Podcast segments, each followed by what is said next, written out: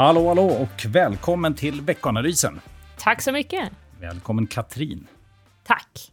Välkommen också ny poddmanik faktiskt. Vi har ju en väldigt speciell dag idag. Vi har fått lite ny teknisk utrustning. Förutom krispigt ljud så hoppas jag att vi har lite roliga grejer att komma med. Vi testar direkt. Lite applåder. Så. Eh, med det sagt, det där ska vi inte leka med för mycket, men väldigt kul ändå att vi har fått bättre grejer. Och eh, med det sagt, Katrin, eh, vi hade ju, var lite dåliga förra veckan. Vi hade faktiskt ingen podd. Eh, men ehm, vi har kanske desto mer idag. Jag och, hoppas det. Förra veckan hade vi bland annat en strategirapport vi släppte, så den kan man prata mer om. Eh, men det är också andra saker som, vi, som har hänt under förra veckan, så vi, vi tänkte att vi tar upp dem snabbt. Men om vi börjar med strategirapporten, det är ju en sån här grej vi gör tre gånger per år. Vi brukar mm. lyfta den i podden. Ganska stort dokument. Eh, vad kan man säga är liksom eh, de här, eh, ja, de viktigaste sakerna? Vad gör vi egentligen i vår allokering? Men jag tycker om man liksom ska sammanfatta med två takeaways så kan vi säga att det första är att vi lyfter upp räntor och ser att räntor kommit in i finrummet nu. Så där tycker vi att det finns skäl att övervikta räntor och därmed drar vi också ner betyget för alternativa tillgångar.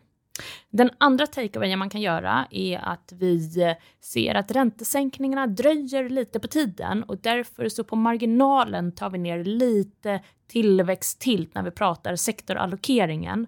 Och det betyder betygsmässigt att vi tar ner betyget ett snäpp för kommunikationstjänster. Eh, samtidigt vill jag ändå lyfta att kommunikationstjänster under året haft en jättefin utveckling, så det blir också lite vinstantagning för den sektorn. Okej, så lite vinsthemtagning, lite kanske ner på tillväxtorienterade sektorer. Och eh, sen räntor där vi då ser egentligen alltså bättre möjligheter på räntemarknaden överlag, eller Ja, men precis. Vi mm. tycker att räntenivån har kommit upp på attraktiva nivåer och ser nu att det är ett bra komplement i portföljerna helt enkelt. Exakt, och det gör vi och finansierar det med kan man säga att, genom att vi minskar alternativa investeringar. Eh, och det är ju någonting som vi har liksom lite grann varit underviktade i redan innan, men eh, nu så höjer vi då räntor framförallt. Ja, men exakt så. Bra, det är en bra summering av vår strategirapport. För den som vill läsa mer så finns den på vår hemsida. Går att leta fram om man vill ha ett riktigt tungt dokument och läsa om allt vad vi tycker om marknaden. Annars kan man fortsätta lyssna på oss, självklart. Eh, om vi tittar då på förra veckans eh, veckoanalys så pratar vi en del om amerikanska långräntor i själva analysen, men vi pratade aldrig i podden faktiskt. Men eh, det vi sa där var väl just att räntesänkningar skjuts längre in i framtiden och det är det vi ska docka in i även idag kan man säga. Ja, men precis. Man kan ju säga att Eh, den analysen ni gjorde liksom förra veckan stod sig åtminstone liksom vecka två till. veckor. Ja, men stod sig en vecka till. Eh, och det har varit en jättestökig föregående vecka där det varit precis det du pratar om. Det har varit fortsatt stigande räntor, eh, väldigt slagigt på marknaderna och vi har sett att i en sån miljö så har inte börsen trivts utan ja, den hade ganska stora liksom, rörelser. Amerikanska börsen avslutade veckan på svagt positivt. Det var en ganska volatil vecka. Det svängde rätt mycket. Jag trodde att, egentligen att det stängde nästan negativt förra veckan, men det kanske var mer känslan. Så. Ja, men det var inte en dålig känsla, för det återhämtade sig de sista timmarna. Så att det, okay, ja. då, det var nära. nästan, nästan noll, kan man säga. Men eh, det man kan säga är väl nu att eh, man prisar in en till höjning i USA.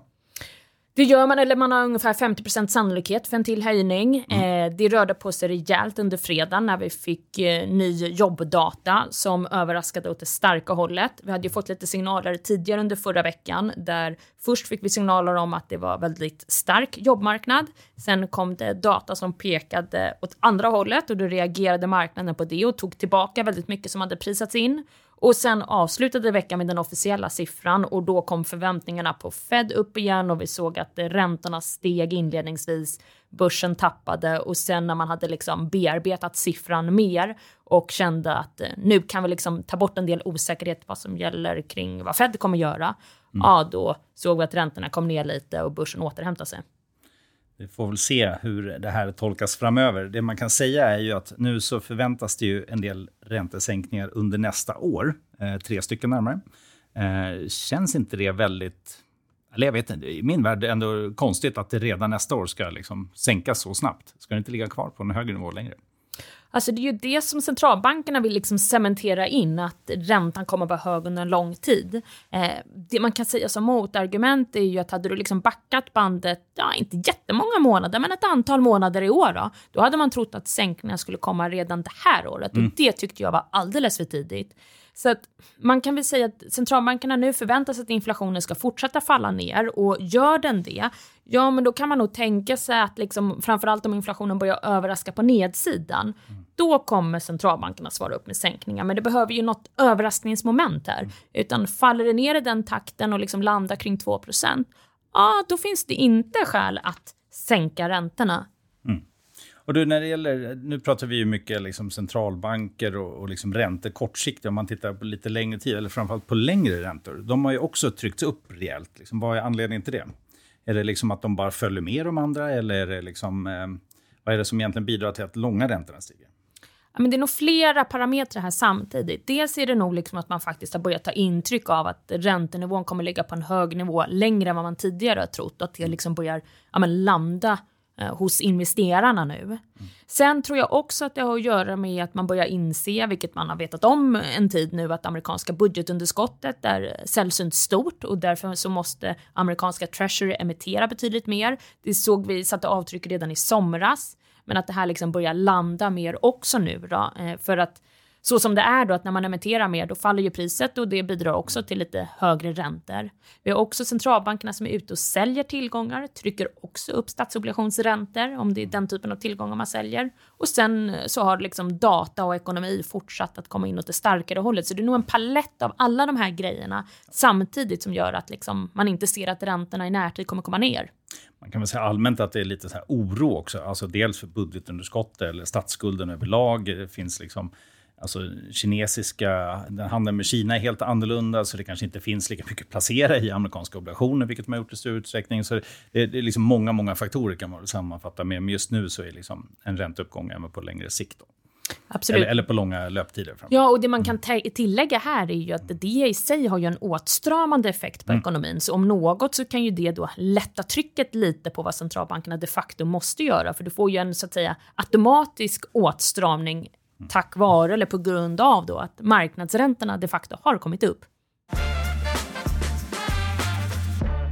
Då kommer vi till nästa grej. Det kom ju sysselsättningsdata i slutet förra veckan. Och där pratar vi inte om någon liksom, åtstramning, det är full fart. Det är full fart. Mm. Eh, så på ett sätt kan man ju säga att det var mumma, för att det var ju liksom verkligen ett läge som amerikanska centralbanken tycker om. De ser att det liksom ångar på vad det gäller sysselsättning, samtidigt som inte lönetillväxten tog fart något nämnvärt, utan den kom ju in så att säga i nivå med förra månadens eh, liksom, takt. Och, eh, eh, där såg vi då eh, lönetillväxt på 0,2 procent månadstaktsmässigt. Så att utifrån liksom, Fed-perspektiv var det jättebra. Utifrån marknaden och börsen så var det nog en mardrömssiffra, för då fick man ju igen liksom, skäl att tro att nu kommer Fed komma tillbaka och höja igen då. Man hade ju hoppats på att de var klara. Men den här siffran var så pass stark så att det är troligt att Fed faktiskt gör en till höjning i år.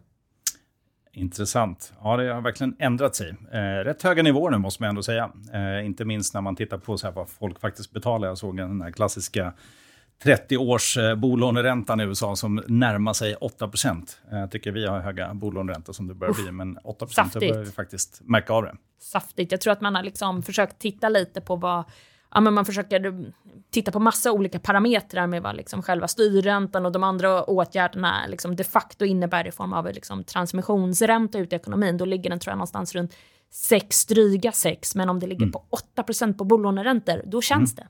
Absolut. Vi gör en liten eh, poddmanik-signal på det. Så, nu ska vi sluta leka med den där. Eh, men eh, om vi då hoppar in i nästa vecka och eh, lämnar lite av det här då. Eh, vad har vi egentligen den här veckan som är i fokus? Fortsatt naturligtvis ränta. Eh, vi har inflationssiffror Japp. som är väldigt viktiga. viktiga. Eh, kan du berätta om några, några saker som kommer? Ja, men det viktiga nästa vecka blir ju typ inflationen. Alltså det, jag skulle säga att man bara väntar på de siffrorna som kommer där i slutet av veckan. Och alla väntas ju nu att både för svensk del så ska det komma ner, men det blir minst lika viktigt att faktiskt titta på de amerikanska siffrorna där man också väntar sig att det på marginalen ska avta lite i takt. Och det där kommer ju bli superviktigt för inte minst börsen att se att det faktiskt levererar, att man liksom fortsätter den här inflationsresan neråt. Eh, och som tur är så är inte det här bara då en story om lägre energipriser, utan även det underliggande inflationstrycket mm. väntas komma ner och det är ju definitivt positivt. Exakt. Så tittar man till exempel i USA, då kärninflationen ska då, alltså år över år sett, falla från 4,3 till 4,1. Eh, om man tittar i Sverige så har vi inga förväntningar på just KPIF om man tittar mest Jo, det har vi visst det på år över år. 4,7 till 3,8 procent, så det är ganska stora nedgångar ändå. Eh, så att, ja, viktigt att den här trenden fortsätter då.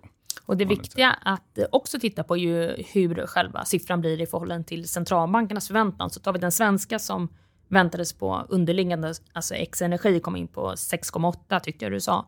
Eh, så räknar ju Riksbanken här med att det kommer in på 6,6 procent. Och det viktiga här är ju att se om kommer liksom utfallet in över eller under eller i linje med Riksbankens prognos. För det är ju då vi kan börja säga något om när styrräntesänkningarna kommer. Jag sa faktiskt KPIF rent, inte X-energi. Ah, då la jag till den. Ja, men eh, vi har ingen förväntningssiffra på X-energi just på KPIF, utan där var det 7,2 senast. Men det är väl rimligt att det ska ligga ungefär där du sa. Jag tror den ligger på 6,8, för jag kikade nu inför vår podd. Så att, så att eh, det kan ha kommit in under morgonen. Jag ville bara rätta mig där snabbt. Så, men som sagt, mycket eh, inflationssiffror som kommer. Eh, det kommer från flera håll. Även i Kina till exempel kommer konsumentprisinflation. Det kommer producentpriser i USA. Så väldigt mycket att eh, titta på under veckan. Och eh, inte minst också eh, mötesprotokollet från Fed på ja. onsdag, som är, som är viktigt att kika på. Eh, vad har vi mer att titta på under veckan? Du har fokuserat lite på japanska yenen också, som tappar mark. Vad är anledningen till det? Jag skulle faktiskt misstänka att det framförallt är en dollarrörelse, men oavsett vad kan man väl säga att utifrån japanska bolag så är det här något positivt för att eh, dels så har ju också Japan en relativt sett lägre inflationstakt än vad omvärlden har. I och med att många japanska bolag eh, Eh, har intäkter från utlandet och kostnader i lokal valuta så är det något som gynnar de japanska bolagen. Och jag tycker också om vi tittar på den japanska börsutvecklingen i året så har vi faktiskt sett att den har hållit uppe hyfsat väl. Intressant. Det är ju alltid svårt med, med svaga valutor. De gynnar ju ofta bolagen på marknaden, men det är inte alltid det, det är bra om man tittar på liksom börsutvecklingen relativt mot andra länder. Men eh, återstår att se. Eh, japanska yenen, hur ser ut tappar mark, eller framförallt är det dollarstyrkan. Det är mycket, många som tappar mot dollarn. Just eh, I övrigt då, eh, det har ju varit väldigt tunt vad gäller eh, bolagsnyheter. Eh, och eh, nu är det faktiskt dags snart att vi har en rapportsäsong som drar igång. Och, Eh, eh tittar vi då det som kommer i veckan så har vi ju faktiskt framförallt i utlandet så har vi ju då eh, lite finansrapporter. Blackrock, Citigroup, JP Morgan bland annat, Wells Fargo. Det här är ju väldigt intressant att se och bankerna brukar ju vara ute tidigare. Så eh, är det intressant självklart att se om de fortsatt tar lite mark från de regionala bankerna som har det ja, egentligen allt tuffare i USA eh, med de här räntorna som är sitter ju på en stor del, eller stor, stor andel förluster i de här bankerna. Så att, eh, intressant att se det. Det kommer lite andra nyheter eh, från några bolag. Öresund rapporterar Dustin, Atrium Ljungberg och så vidare. Och det är också några stämmor. Så förhoppningsvis så har vi lite mer aktier och så vidare att prata om närmaste veckorna. Eh, vad har vi mer? Jo, vi har inte ens pratat om Hamas-attacken. Eh, nu är inte det alltid så, den typen av attacker eller geopolitiska osäkerheter som påverkar börsen, men det gör ju det ofta på valutor, ibland på räntemarknaden, i det här fallet kanske på oljan. Japp, det har satt avtryck. Det satte avtryck på Mellanösternbörserna. Vi såg också att oljepriset som en konsekvens av det här har stigit. Så att det har satt avtryck. Det, det steg ganska snabbt, tror jag, 5-6 procent och sen föll det väl tillbaka lite på det. Men det känns ju rimligt. Samtidigt så är det väl egentligen om man ser långsiktigt så har väl inga förutsättningar för oljan, oljan förändrats helt. Det blir inga produktionsstörningar just nu av det här, men det, det blir en oro för att det är det. Och oljan är ju ändå lite grann så där på vägen upp. Eh, och då, då finns det ju självklart att man ser en viss risk för det. Men det är ganska bra efterfrågan. Och, eh, det har varit produktionssänkningar som det är redan. Eh, så osäkerhet och snarare uppgång på oljepris som kan ge effekter. Ja, det skulle jag säga. Och därmed inflationsimpulsrisker. Exakt. Så är det. Har vi någonting mer? Våran kvart börjar ta slut. Jag tycker vi täckt in det mesta egentligen. Det blir intressant att se hur rapportsäsongen kommer utvecklas. Det är ju, man har ju liksom förväntat sig att vinsterna nu ska gå bättre under andra, under andra halvan av det här året. Så nu blir det lite upp till bevis och se att det faktiskt levererar. Exakt. Bra, då säger vi så för den här gången och eh, får vi se vem som dyker upp nästa vecka. Exakt, kanske en applåd på det här. Det kan vi ta som avslut. Snyggt. Absolut.